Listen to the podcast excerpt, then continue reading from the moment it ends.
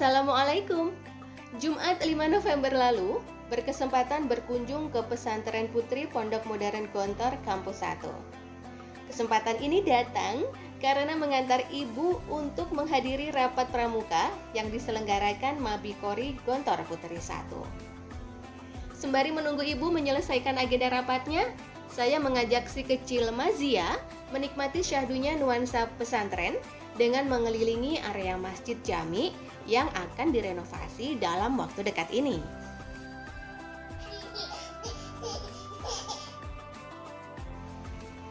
Menikmati indahnya sore dengan pemandangan para santriwati yang sibuk dengan aktivitas sorenya, mengingatkan saya kembali di era 95 di mana saat itu Masjid Jami yang sudah berdiri kokoh dan berkapasitas 5.000 santriwati berfungsi sebagai tempat sholat lima waktu dan tempat perkumpulan untuk acara-acara penting. Dan ngomong-ngomong tentang flashback, yuk kita flashback di era 90-an. Ya, Masjid Jami ini mulai dibangun pada tahun 1992. Ada banyak kisah haru dan bahagia di balik pembangunan Masjid Jami ini.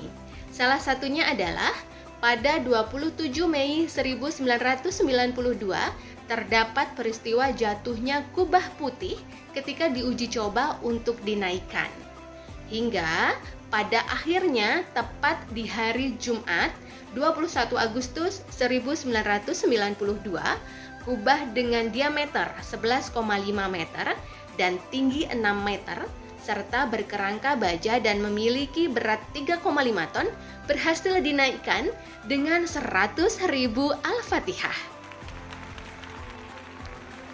28 tahun berlalu hingga November 2021.